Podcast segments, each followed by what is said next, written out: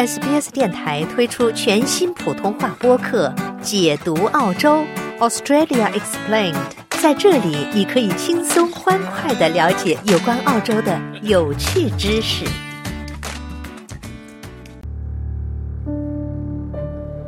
欢迎收听 SBS 中文普通话节目，我是记者雨蝶。来到澳大利亚的第十年。张先生前后分五次汇款，总共被电信诈骗骗走七十九万六千元人民币，从而不得已在近日卖房还债。对方团伙作案饰演多角，从澳大利亚网络运营商 Vodafone。到中国警方、检察官、银行人员，甚至提前设套，让张先生误以为打电话来提醒的真正的警方才是诈骗犯。受过高等教育、具备反诈骗意识的张先生，从怀疑且置之不理，到最后深信不疑，这个被编织出来的庞大骗局是如何一步步引人上当的？一起来听听张先生还原其中的套路与细节，提醒大家谨防电信诈骗。二零一三年呢，我太太拿到永久居留以后，我们就一起来了，一直到现在也有十年的时间了。您跟我提过吗？就是您最近被电信诈骗。骗走了七十九万六千元人民币，是合计七万五千一百呢，是那个澳币。然后我太太那个账户里面呢，还有一些人民币，算起来这个人民币呢，实在是七十九万六千。嗯，分五次被他们骗的。您是不是还借了五十万人民币？我在现是借了五十万人民币。我呢，在十月六号下午六点多的时候，我后来是记下来，呃，有个电话，我正好在吃饭。他说：“我是悉尼沃德丰总部的，你是不是呃在九月二十号有人呢拿着你的护照的复印件，在上海浦东国际机场沃德丰的门店呢办了一张那个沃德丰的手机卡？”我说：“我没有啊，我在呃悉尼嘛。”他说：“你听我说下去，因为你这个情况呢，人家是投诉了。”呃，你不联系的话呢，你这个手机马上就要停机了，一个小时以后。那么他就再继续讲了，他说，呃，用你这张沃德丰的手机卡呢，呃，欺骗了十几个、十七个人，他们呢相信你的宣传以后呢，把这个钱呢打到了以我的名字办理的那个中国建设银行的那个储蓄卡。哎呀，我说我那个储蓄卡我在悉尼我的身边嘛，我没有另外的卡。他说我这个情况跟你讲，你要快点跟那个浦东呃公安机关联系。我说我没有浦东公安机关的电话呀。他说我帮你联系，我帮你联系。他一打就打通了。当时我就应该有点怀疑，他怎么没有啊？这个表格怎么这马上就打通了呢？那么是不是因为他是在那个悉尼啊，在那个浦东机场有沃德丰门店的，可能他打得快，打通了以后呢，对方一个男的，大概是四十几岁吧，他是讲的那个类似于那个香港的普通话或者是台湾普通话，嗯，呃，因为台湾人的讲话是不会不会这个比较多的，但他的普通话呢，呃，是香港。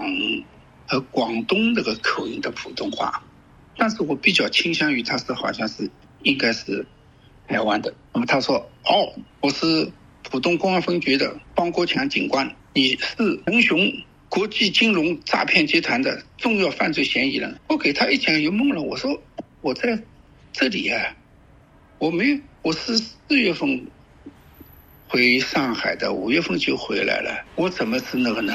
他说：“你听着。”然后他就放了一篇录音，呃，中国人民最中中国最高人民检察院陈雄国际金融诈骗集团案件，国家两级保密案件，是重要犯罪嫌疑人，要把他引渡回中国来。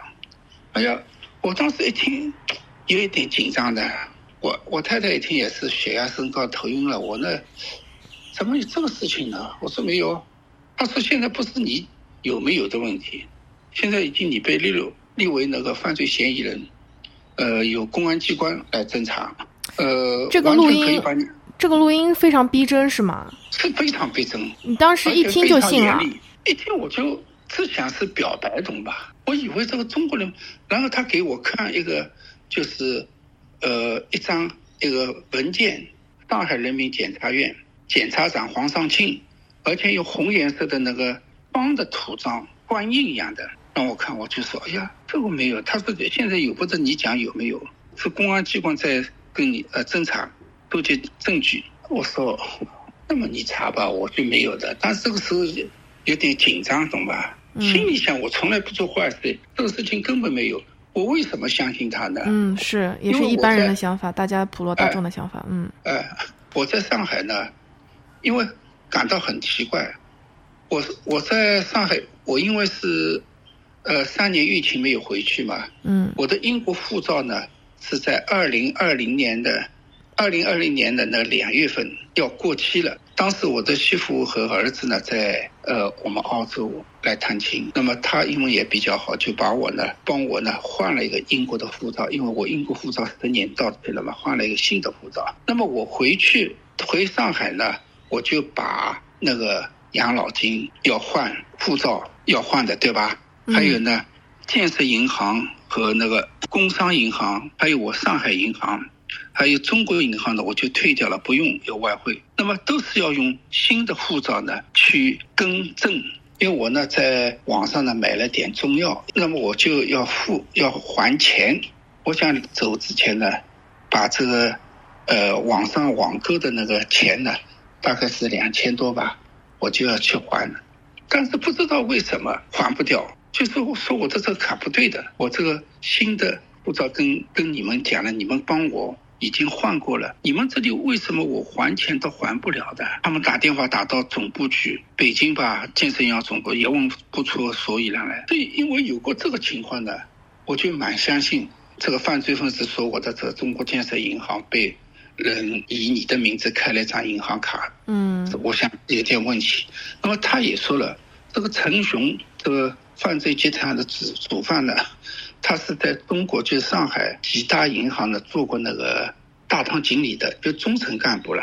他业务非常熟悉，而且表现也蛮好，被呃中中国方面的银行系统呢派到那个悉尼来，悉尼的中国银行办事的。那么完全有可能呢，他是从悉尼回去用我的护照复印件办事，所以你只他骗子说呢，你至少是属于那个呃使用不当或者是贩卖那个信息。他说你的那个护照复印件呢卖给了他们一万块钱，那么然后呢，十七个人呢往你的那个建设银行账户里面呢打了三百零八万，那么他让你还三百零八万。不是，他说三百零万八万，那么呃，骗子说呢，你的银行卡给他们呢，你就可以呃分成，他给我十分之一，就是三十万八。我说我没有啊，他说他都供了，不是你说的，他是很严厉的。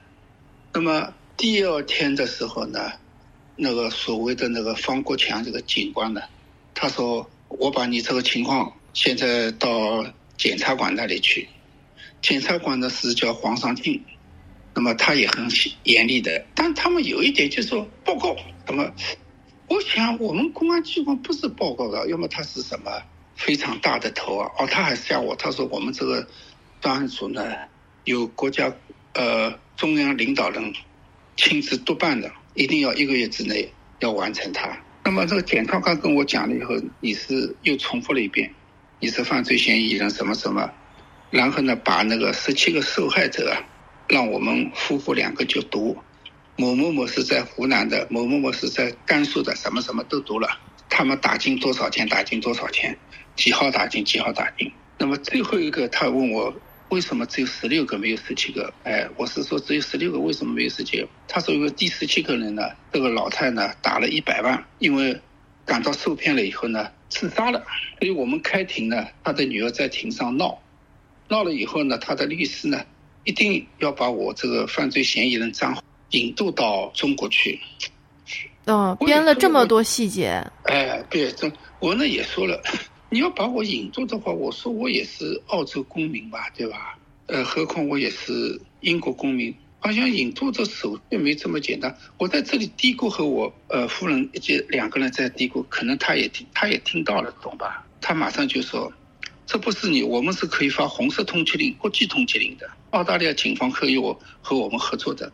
呃，因为里面呢，他又让我多了六个人，其中有个是。”悉尼的叫迦南 律师事务所，那个律师呢，他也引渡到呃中国去了，然后给我看了四个人，他们都是呃拿了，就是人家的像我一样的说，就拿了赃款，比如说一个人打了四十万，他拿了四万什么什么的。那我我说我跟他们不同啊，我没有拿过他们一分钱，什么什么。那么这样吧，你就把你的澳洲银行卡给我们，还有我太太呢是。中国工商银行卡里面，他可能要打给你太太一起。那我说打吧，他说，呃，有国家公证处提供一个银行账户，你们把它打进去，三到六个月，三到六个工作日呢，如果没有的话呢，我们会退还给你的。那我想好的，我说今年来的时候呢，带了一万九，因为每个人只能带九千嘛，不能超过一万。那么一万九的澳币，我呢已经带了，再打到我的这个澳洲银行账。我原来准备每个月还那个房租的，那么也打进去。我太太呢也按照她的指令呢，是打给了新疆一个叫海小平，他教我们怎么说，呃。要到新疆去旅游啊，什么什么的。因为我们这个案子里面呢，还有一个在逃的公安分局的刑侦支队的副支队长，所以一些很好多公安人员也涉及到里面去。所以如果有人打电话问你们，你们千万不能回答，告诉我们。所以他这个一弄了以后呢，我太太这个十九万打到新疆海小平那里以后呢，是在十月十三号。那么十月十六号呢？有浦东，有有上海黄浦区公安分局的刑警队一个同志打电话给我们，他说你这个钱打给那个新疆的海小平，这个人是骗子。我们说不是，不会，不会，因为我们骗子已经跟我们讲了，可能有公安局的人会骗你们，所以我们把这黄浦区的公安局的人以为是骗子。哦，所以这个是真的公安局工作人员。真的公安就是呃通知我们，那么第二天呢？我们像这个，因为我们二十四小时监控嘛，每天早晨七点钟、十点钟和下午四点钟呢，要向他报道我们在哪里，我们很安全。那么跟他讲了，昨天是公安机关的人跟我们说是他骗我们，没有跟他讲。对，他说觉得现在这个案子很复杂，所以为什么我们这个公安机关，我们这个专案组由中央领导同志来呢？你当时没有怀疑过他这番说辞吗？我那没有，因为他已经跟我事先都讲了，你们这个案子里面在逃的人、要抓捕的人，有公安局的，有律师，有教育局副局长，这样。那么是用这套说辞。嗯，哎，有公安机关来打的话，他们都是假的，都在逃的，所以你们要一定千万不能够泄密。如果一泄密的话，他给我们也看，让我们读泄密呢，要判八年徒刑，罚五十万。哦，我们呢就是用泄密来吓你，吓你，吓我们。但是有没有想过？因为我刚听您聊聊现在嘛。从来没有打给上海公安局去确认一下，比如说警员的警号啊，有没有这个人，反而都是一直是他在那边打电话，他来联系，你们从来都没有打电话过去确认的。哎，我呢曾经提出过，因为你一直看到我们嘛，因为是监控嘛，对吧？是不是让我看看你的脸嘛，对吧？这不行，以后到案子破了我们再看吧。我我们相信他是公安机关嘛，对吧？最犯最大的错误是什么呢？到这个时候呢，我们一直认为呢，我们这个事情呢，不要让孩子知道，又怕妨碍这个呃破案熄灭。另外一个呢，不要给孩子造成那个麻烦，就我们能够自己花点钱啊什么，他嗯，反正可以还给我们的，我们就没有知道，不应该随便把这钱打出去。这想什么呢？我钱给你们，你打好了，你看了以后，经过调查，没有任何一份赃款的。如果我这个情况的话，跟任何人讲或者是什么的话，我平时脑子也是蛮清楚的。我也帮助两个人，被吓住了。七月份呃，被七月份的时候有邮政局来问我，我后来马上就到邮政局去把我的那个情况讲了一下，以后弄过。那么这个情况呢，主要是什么呢？像去表白自己、洗白自己。给你们编了一个这么庞大复杂的所谓案件啊、涉密啊、保密啊这这一类的这些诈骗手段，您现在经历了这个之后，有没有信心说下次不会再上当受骗了？应该是的。还有呢，我总感到这个人呢，他们一个集团的话呢，在心里肯定有有内因的，肯定有内火的。所以说，最好是从这方面提高警惕的话呢，抓住的些断绝了这些犯罪分子的根源。原呢，呃，华人呢，呃，可以少受骗，对吧？或者是根本不受骗，是这个情况。感谢张先生的个人经历分享。据消费者事务监督机构的 Scam Watch 所报告呢，今年迄今为止所收到的近二十六万起骗局报告中，受害者财务损失总额达到了四点二九四亿澳元。骗局不仅可能导致大家的财务损失，还可能被网络犯罪分子用来窃取个人信息。那 SBS 普通话节目也希望借此机会提醒大家，临近年末呢，要更加注意个人财产上的防护。想听到更多这样的故事吗？您可以通过苹果播客、谷歌播客、Spotify 或者您喜爱的方式下载收听。